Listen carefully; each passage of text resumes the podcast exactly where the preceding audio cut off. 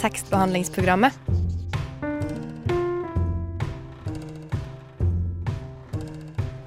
Tekstbehandling på radio.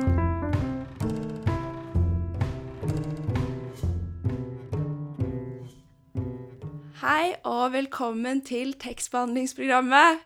For første gang på veldig lenge så er vi tilbake. Men vi, nå sitter vi ikke i studio.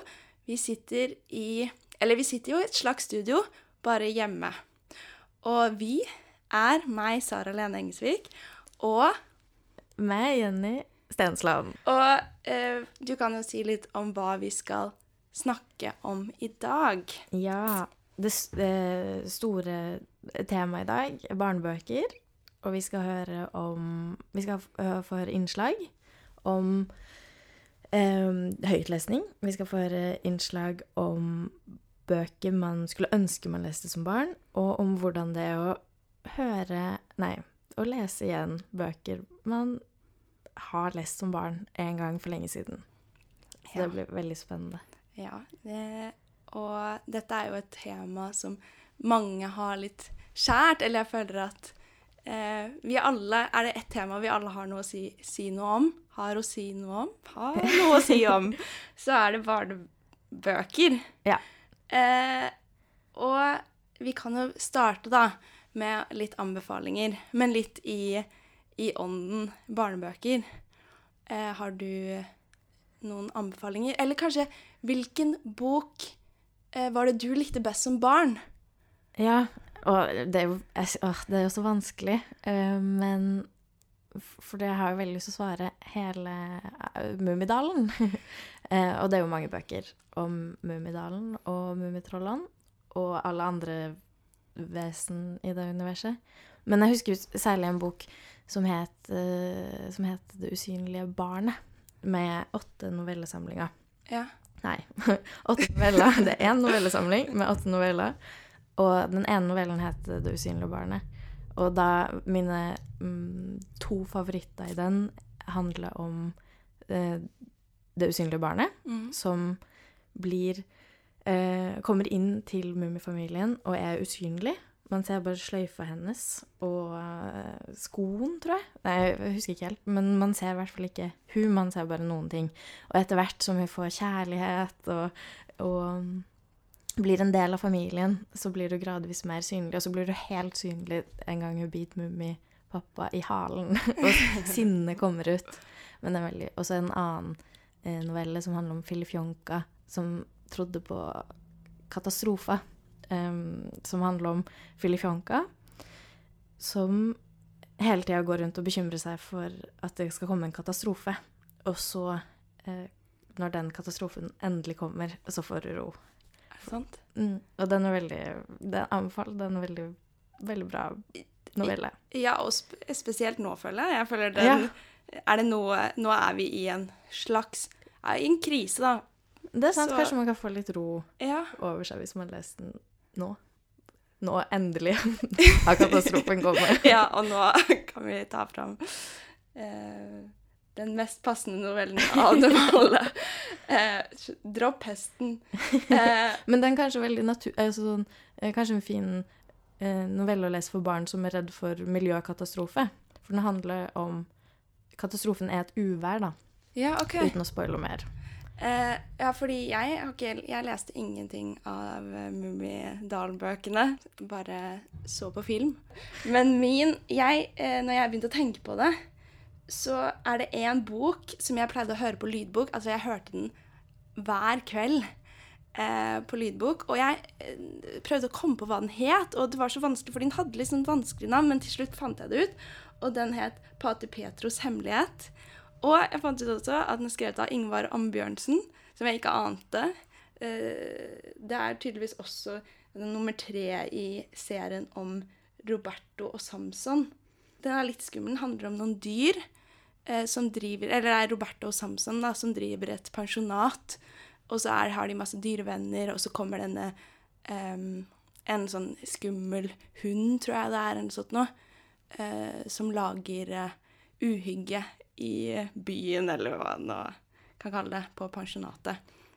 Eh, og den Men da, da følte jeg at det handlet også veldig mye om selve eh, lydboka da, og stemmene.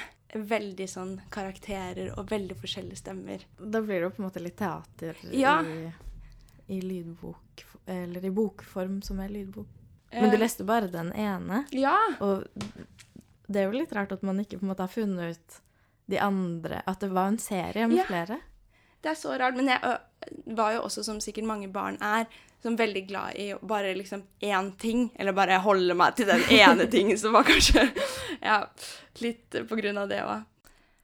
Men vi skal snart snakke mer om eh, våre favorittbøker som barn. Men nå skal vi tilbake til barnelitteraturen.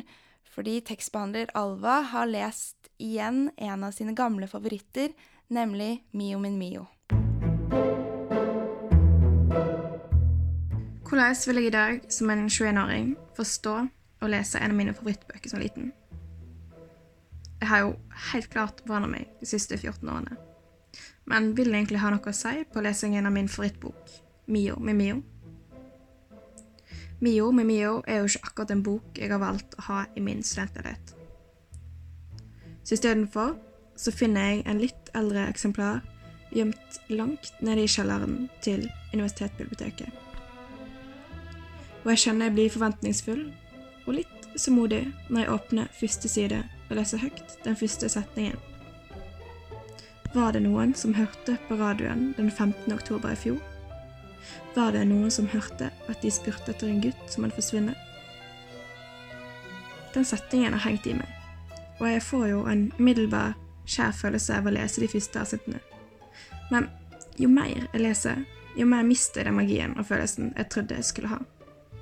Jeg blir irritert på fortellerstemmen. Har jeg vokst fra med boken? Er barndommen min for langt bak meg? Og er jeg for prega av mer krevende og voksen litteratur? Jeg blir sørgmodig av å lese denne boken igjen. Jeg er jo ikke lenger den forundra jente på seks år. Jeg ligger jo ikke lenger varm i sengen min mens faren min leser høyt. Og hva hadde jeg egentlig forventa av en barnebok? At den skulle dra meg tilbake til den koselige, trygge barndommen. Kanskje har det litt med dette her er jo den første barneboken jeg leser igjen som voksen. Og at jeg tenkte at den skulle appellere til meg på samme måte som da jeg var liten. At jeg kunne unngå det barnlige med teksten ved å fokusere på det barnlige med meg nå, for vi er jo samme person. Men det funket ikke. Jeg fikk jo noen vage assosiasjoner til min barndom, men det var ikke tilstrekkelig nok til å få meg til å lese ferdig Mio og Mio. Jeg får følelsen at dette her er ikke rett tid for meg å lese Mio og Mio. I en alder av 21 år og uten egne barn å lese den til.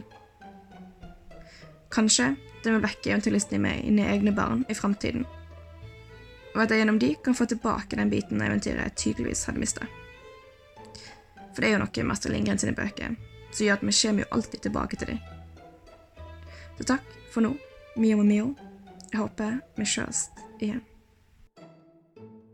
Hei, jeg heter Aune, og du må høre på tekstbehandlingsprogrammet. Fordi kunnskap og viten, det er det mest vidunderlige på denne jorden.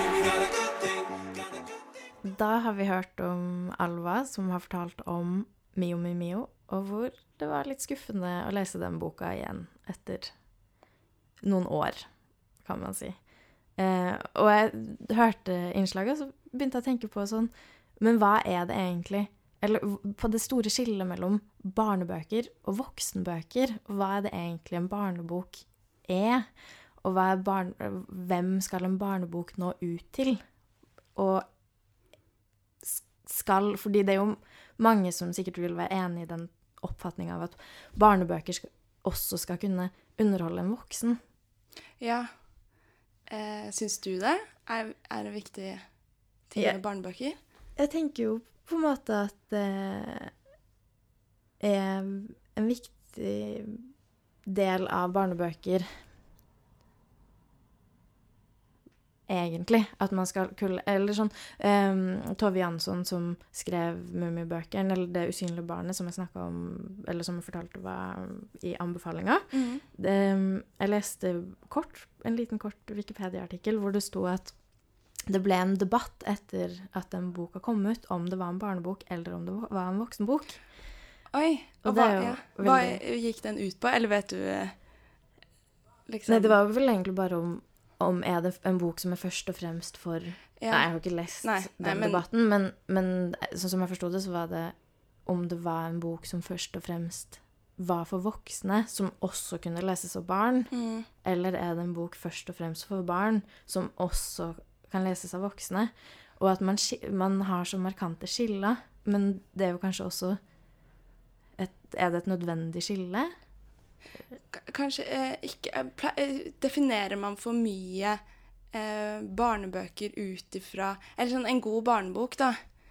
Hvis den da kan leses for voksne også, er, eller hvis det er på en måte definisjonen på en god barnebok, er også at den kan være god for voksne, gjør det da egentlig at skillet Eller at man tenker sånn, betyr at skillet egentlig ikke er så stort, fordi en god bok er en god bok uansett, Ja.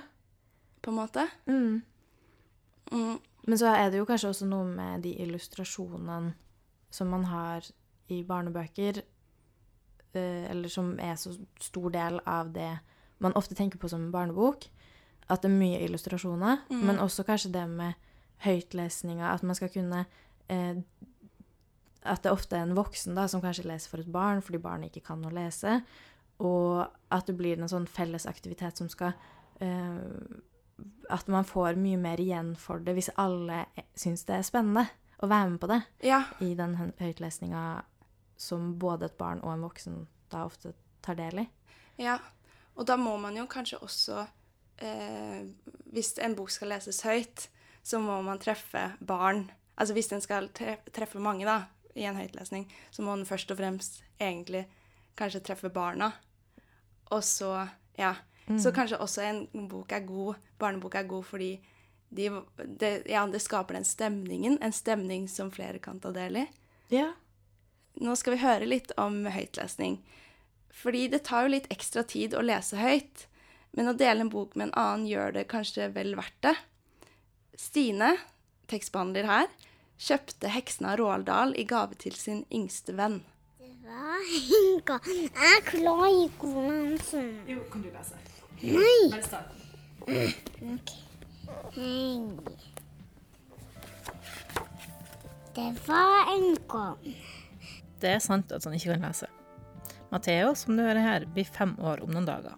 Og det er derfor jeg som leser høyt fra heksene. Det går helt fint, for helt siden jeg selv var unge, så har jeg elska å bli lest for. Ei side til og ei side til, ja. Foreldrene mine var nok utrolig glad for at jeg til slutt klarte å lese sjøl. Men også da, og fortsatt nå, så er det noe ekstra med høytlesning. Det er liksom noe helt annet.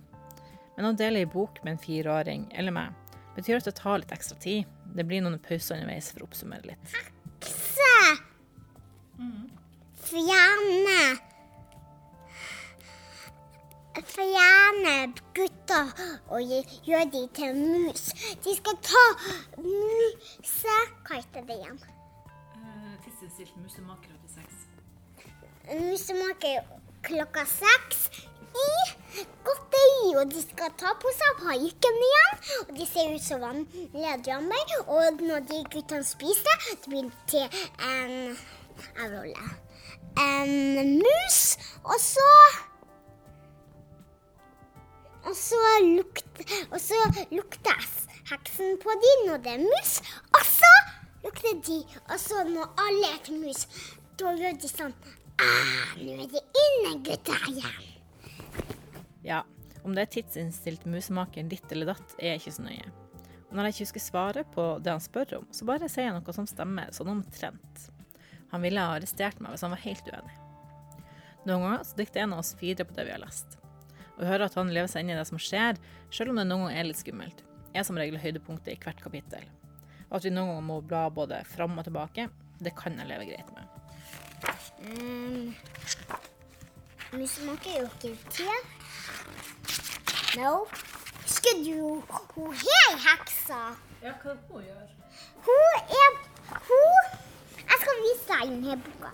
Hun er på treet, og han klatret til, og så sier hun Kom ned, lille gutt, jeg har en gave til deg. Og så hadde hun svart hansker, og så hadde hun en grønn slange rundt, slam, rundt den svarte hansken.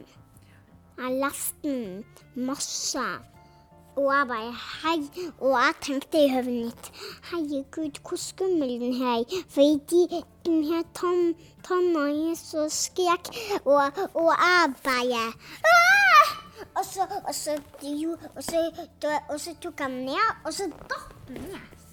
Ja, Veldig dramatisk. Ja. Min tur! Så OK. Jeg har vært litt i tvil om hvorvidt heksen passer til en fireåring. Men da jeg spurte hun i kassa som solgte meg boka, om hva slags aldersgruppe tror du den har passa til, så svarte hun bare at jeg har ikke lest den sjøl, men du kommer sikkert til å kose deg med den. Derfor tar det litt ekstra tid når vi må legge inn pauser for å ikke få mareritt. Og vi har litt igjen å lese. Men jeg er ganske sikker på at vi får lest ferdig før sommeren kommer. Kan vi ta det her? Ja, vi er straks der vi må starte.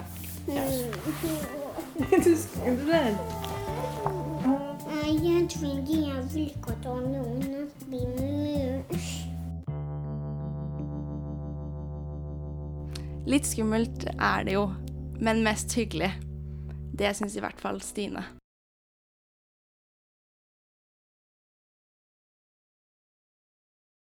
Heksene også. Mm. Eh, det var en bok jeg fikk mye mareritt av, men jeg klarte ikke å ikke lese den igjen. eh, men, eh, så det var en absolutt favoritt. Og så leste jeg også Matilda. Og, men så har jeg også blitt veldig overraska over hvor mange Roald Dahl-bøker som jeg ikke ante at fantes. Eller så, at det er så mange bøker om den fersken, en sånn ferskenbok som, som Roald Dahl har skrevet, som jeg ikke har hørt om. Nei, den har ikke jeg hørt om heller. Nei, det men du har Ja, eh, pappa det, Roald Dahl var pappa sin favoritt, og det var pappa som leste for meg da jeg var liten. Eh, så vi leste masse Roald Dahl. Eh, og det var 'Heksene', selvfølgelig, og 'Matilda'. 'Matilda' tror jeg var min favoritt. Det var også den første boka Eller første tjukke boka, da. Som jeg Eller jeg syns den var veldig tjukk da jeg leste den. Den første tjukke boka jeg leste. Eh, men også sånn SVK og Georgs magiske medisin. Eh, hva, fordi Roald Dahl kan man vel si at det er en klassiker innenfor barnebøker. enig. Har du noen tanker om hvorfor eh, det er spennende? Og er det mest spennende for barn, eller er det fortsatt spennende hvis man hadde lest det nå? Mm. Jeg tror kanskje det, det hadde vært mer spennende å lese det sammen med et barn. Fordi man får en helt annen innlevelse. Ut, et uttrykk for en innlevelse. Sånn som vi også hørte i Stine sitt innslag med hennes yngste venn. Eh, hvor mye engasjement som lå i å snakke om det og gjenfortelle det som hadde skjedd. Og at det kanskje man opplever i større grad når man både deler den eh, opplevelsen, men, men å lese Roald Dahl alene nå um, før eksamen Det kunne sikkert vært veldig behagelig, uh, men, men kanskje det ikke hadde vært Jeg tror ikke det hadde vært det samme, Nei. men det er jo fortsatt en uh, klassiker. Ja. Og jeg tror fortsatt man hadde blitt uh, underholdt og kost seg veldig mye Mm. lese, hvis jeg hadde lest tekstene igjen. Tror ikke du?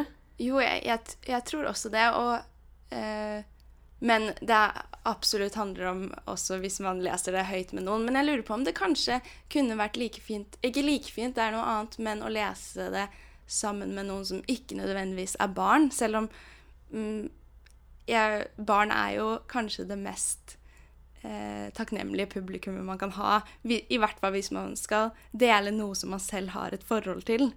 Da føler jeg at eh, barn får man så veldig tilbakemelding fra.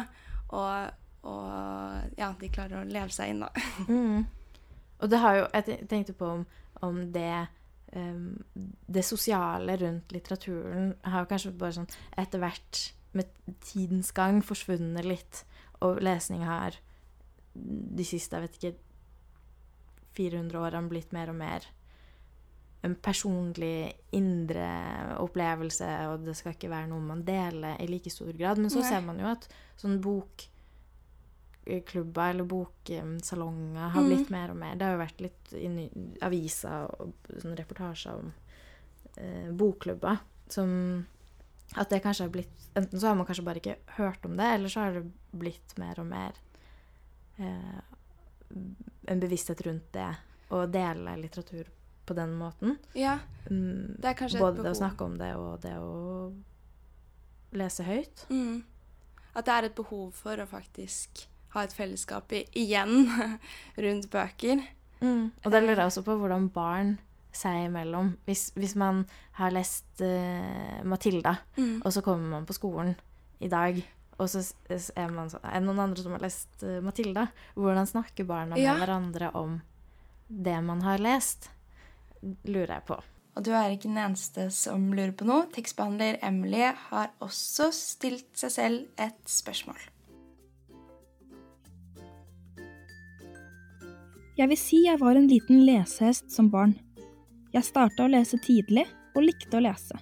Og det tror jeg har gitt meg en stor fordel senere i livet, da å lese vekker nysgjerrighet og booster fantasi, språkkunnskaper og forståelse av verden. Vi hadde alltid bøker i bokhylla som jeg kunne se i og ta med rundt. Jeg hang mye på skolebiblioteket hvis jeg kunne det, og prøvde meg på alt fra bøker med bare bilder til bøker større enn jeg klarte å holde.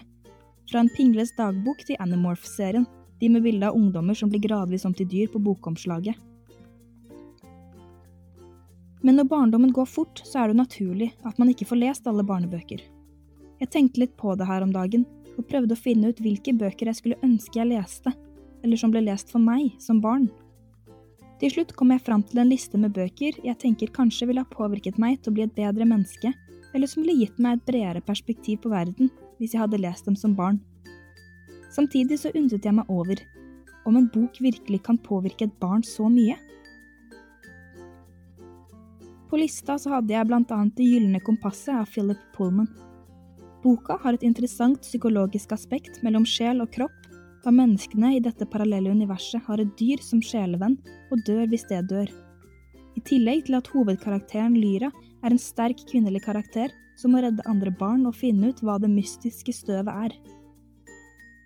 Men som barn så ville jeg umulig fatta at det var et psykologisk aspekt inkludert, og jeg er jo aktiv feminist i dag, så kanskje jeg ikke trengte den sterke kvinnelige hovedrollen for å påvirke meg i større grad enn de andre bøkene jeg leste.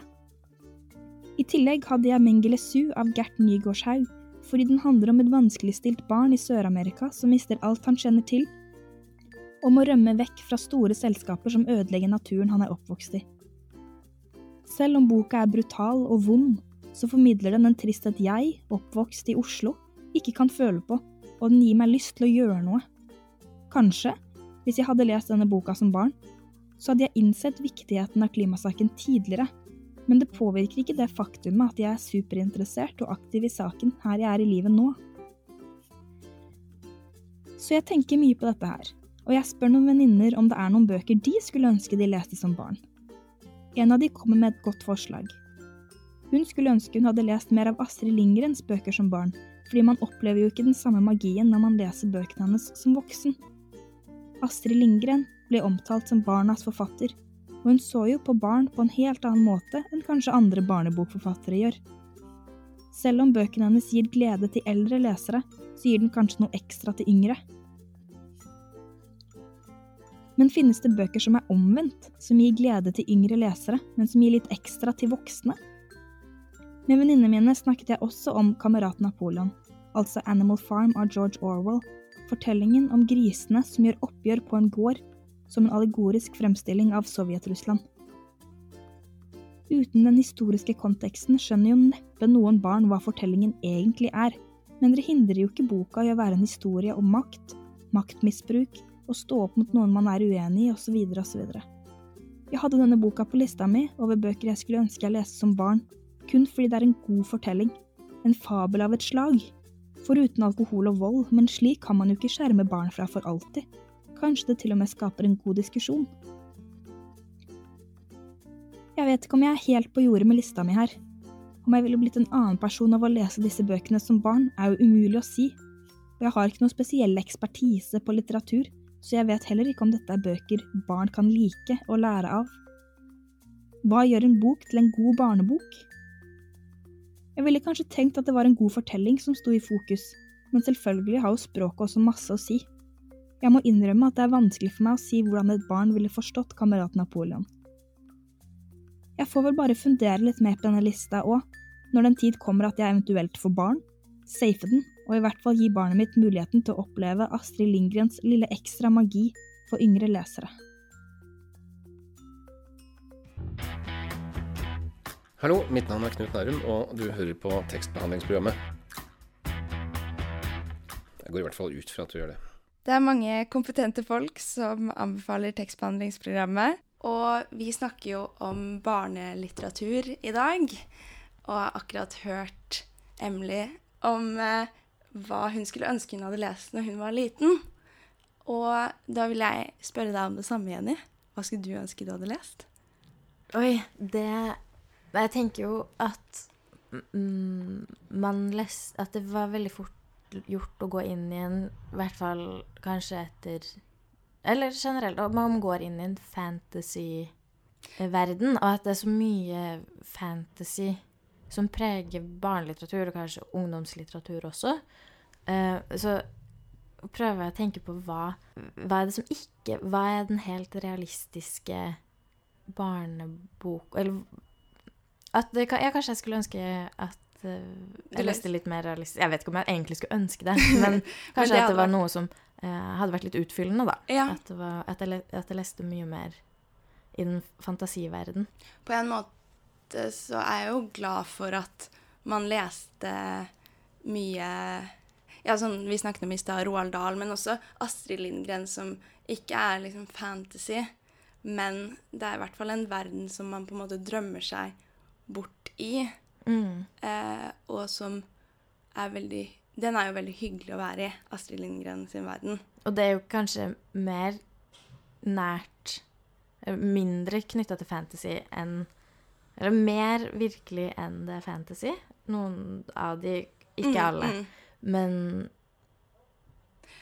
den um, Brødrene Løvehjerte er jo kanskje ganske mye fantasy, men det kommer jo an på hvordan man ser det, da. For eksempel. Ja, ja. Og, og Men når er det man slutter Fordi når man er barn, så leser man da bøker om hvor barn ofte er hovedpersonen, eller dyr. Eh, men når er det man mist, har, har man mistet evnen til å leve seg så inn i ting at det kan være spennende å lese om? Eller at det kan eh, At man kan klare å leve seg inn i at en hund eh, At denne historien handler om en hund som kan snakke. Mm. Jeg lurer på om det er lettere for et barn å se for seg at man er en hund, eller å leve, inn, få en inn, leve seg inn i en historie om en hund, enn en voksen. Også. Ja, ja. At det også kanskje kan være Men det, det henger jo litt sammen, da. At Ja. man mister den Hvis man mister den etter hvert. Den innlevelsesevnen. Ja, fordi eh, det tenkte jeg også på med min anbefaling fra i stad, så er jo den Pater Petros hemmelighet, så er jo ikke de, de Det handler jo om dyr. Men de dyrene er jo ikke barn. Eh, men samtidig, hvis den hadde vært om bare voksne, så tror jeg ikke det, Eller det ville vært enkelt å tenke at her er dette en barnebok eh, med haug med voksne som driver et pensjonat. Eh, ikke så veldig intervju... Ja. Det, det er akkurat som noe skurrer, på en måte. Men ja, vi skal snakke mer om dette etterpå, og om andre sjangere av barnebøker. Men eh, jeg må bare ikke glemme å unnskylde den brummingen på utsiden. Fordi det er noen som driver og bygger her, sånn nå, men det er sånn vi må leve med når vi er hjemme. En, to, tre. P-R-O-G-A-M-A-M Tekstbehandlingsprogrammet på Radio Nova. Yes, vi snakker fortsatt om barnebøker. Er det noen nye andre former for bøker? Du sa jo mer realistiske. Eh, men eh, andre sjangre innen barnebøker som vi har sett nå Nå er det jo liksom eh, Internett er jo en større ting av barns hverdag nå for tiden. Eh, og det var jo en ny bok som kom på Instagram Mm. i år. I fjor. I, i, I år. Den eh, ble vel delt eh, Den kom både ut i bokform, eller i mellom to permer. og Den kom også ut på Instagram, litt sånn skamaktig, litt Ja. dag for dag, som følger en historie om en um, om en eh, om kjærlighet på På ungdomsskolen. Um, ja, Eller videregående. Kanskje det er videregående. Det er kanskje mer ungdomsskolen. Vi burde kanskje si hva den heter, og den heter 'Dette blir mellom oss'. Ja. Eh, av Alexander Krag. Alexander Kielland Krag. Ja. Jeg, tr jeg tror det er det han heter. Eh, og ja, det er jo eh, Jeg har ikke lest den. Har du lest den? Nei, jeg har bare fått med meg at det skjedde, og at jeg tenkte her er det noen som prøver å tilpasse seg samtiden. Ja. Og det virka jo som om den fikk mange følgere på Instagram, men så kan man jo også tenke hva, hva skjer da med boksalget? Det, det er jo kanskje vanskelig å vite, da, men den, jeg tror den fikk uh, god, gode omtaler og mye oppmerksomhet. Ja. Man må kanskje tenke litt nytt. Og det, hvis jeg skal være veldig ydmyk, så er det det jeg har prøvd å gjøre. ja, men jeg eh, var Har vært litt eh, Sett litt på noe annet enn de, de fantasibøkene. Eh, og heller tatt en titt på hva, hvor, hvilke faktabøker som finnes for barn. Det står at barneavdelingen er i andre etasje. Og nå håper jeg at jeg har valgt et tidspunkt hvor det ikke er overfylt av mennesker her. Men det ser ganske tomt ut. Eller ikke tomt, da, men her skal jeg klare å holde to meter avstand.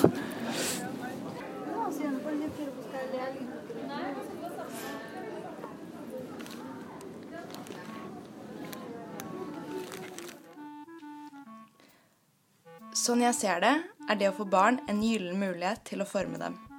Men det er også en unnskyldning for å drive med den veldig koselige aktiviteten høytlesning. Og disse to tingene kan jo også enkelt slå sammen til at man kan forme barn gjennom lesning.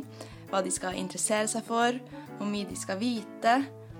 Jeg ser egentlig for meg at leser man det riktige for dem, og leser man mye, kan barnet bli et geni. Og hvem vil vel ikke ha æren for å oppfostre et, et sånt? Men hva skal man lese? Det frister jo å ta fatt på de samme bøkene som man selv likte som liten, av Roald Dahl, Astrid Lindgren, Anne-Cath. Vestli. Men blir det noe geni ut av det? Et raskt Google-søk gir meg noen foreløpige svar. Og i en artikkel på forskning.no bekrefter Leif Gjerstad mine anelser. Å lese for barna utvikler hjernen deres.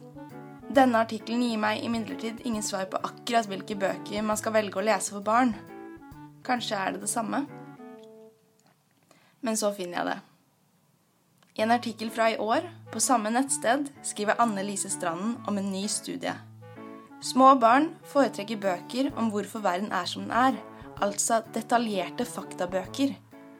Forskningen viser at små barn foretrekker bøker som ikke er for enkle, og som er spekket med fakta. Det er altså faktabøker man skal være på jakt etter. Og for å sjekke tilbudet drar jeg til Deichman Bjørvika. De har masse faktabøker. Fugler, lemen, blåhval. Visste du at prikk, prikk, prikk bæsj? Det er faktisk illustrert av tegnehane. Visste du at et menneske bæsjer et helt, helt badekar med bæsj hvert år? Og visste du at tjukktarmen er over én meter lang? Eh, Det første visste jeg ikke. Da hadde jeg faktisk altså tvil på at du finner en bok i voksenavdelingen med den informasjonen sånn lett tilgjengelig. Hva er greia med alle de nakne folka i kunsten? I denne boka får du svar på mange spørsmål om kunst, eller hjelp til å stille egne spørsmål. Du får en smakebit av det meste, fra bergkunst til kubisme, fra renessanse til samtidskunst. Det vil jeg lese. Den var faktisk veldig fin. Den tar jeg med. Å, herregud. En egen biografihylle. Biografier for barn. Leonardo da Vinci, Edvard Munch. Stalin. Ja, men her har vi mange Mange av de ser jo ut må jeg bare si litt kjedelig ut. Liksom typisk sånn lesehøstbøker. Men også Five Seconds of Summer. Mar Marcus og Martine Martinus. Camilla Collett. Det er faktisk mange biografier om Camilla Collett. Tre stykker for barn. Mest tiltalende Den heter The Provocative Collett. Og det er en, det er en tegneserie.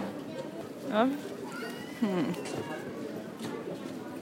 Hmm. Jeg er usikker på om dette er en barnebok. Det er faktisk flere steder allerede jeg har kommet over bilder hvor hun er på vei til å ligge med noen. Nei, det er utrolig, utrolig sensuell, sensuell biografi om Camilla Collett. Min første biografi, Gro Harlem Brundtland.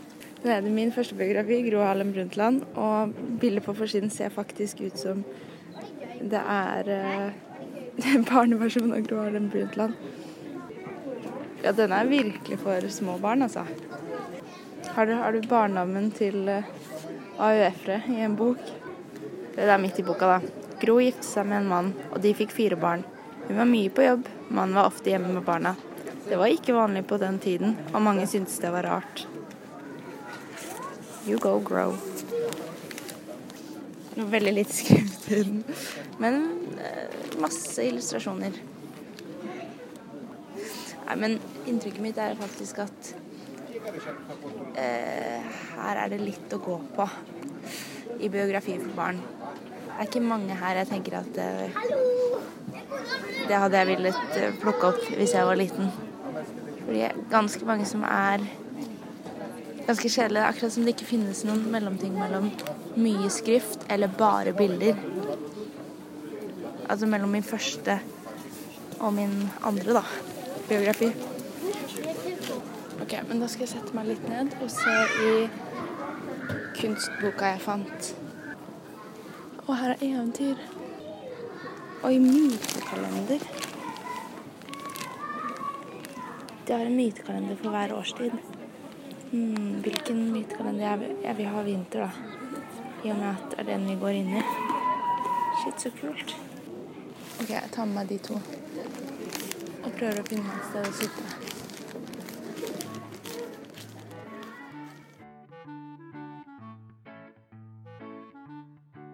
Siden det er grenser for hvor lenge jeg føler at jeg kan oppholde meg på biblioteket, og spesielt i barneavdelingen, sier jeg meg altså fornøyd med det litt lunkne utvalget på to bøker. Og jeg setter meg til rette og begynner med å bla i Myteboka, eller Mytekalenderen som den heter, skrevet av Terje Nordby. Den er bygd opp sånn at den tar for seg hver måned og skriver om én myte eller én fortelling for hver dato, Alt fra gresk mytologi til fortellinger fra ulike religioner til myter av nyere dato. Men det viser seg ganske fort at denne boka er alt annet enn en billedbok. Den er ganske tjukk, og det er faktisk ingen bilder i den overhodet. Og når jeg leser forordet, får jeg vite at dette nok ikke egentlig er ment utelukkende som en barnebok i det hele tatt. For disse bøkene er faktisk en omgjøring, eller en nedskrivning, av det som i utgangspunktet har vært et av de mest populære radioprogrammene på P2, med samme navn, Mytekalenderen. Jeg har kanskje ikke truffet full blink med denne, men samtidig Forskerne har jo talt, og barn liker en utfordring. Så det er kanskje ikke så dumt allikevel. Men enn så lenge legger jeg den altså bort og tar opp kunstboka. Det vi hadde lurt på. Hva er greia med alle de nakne folka i kunsten?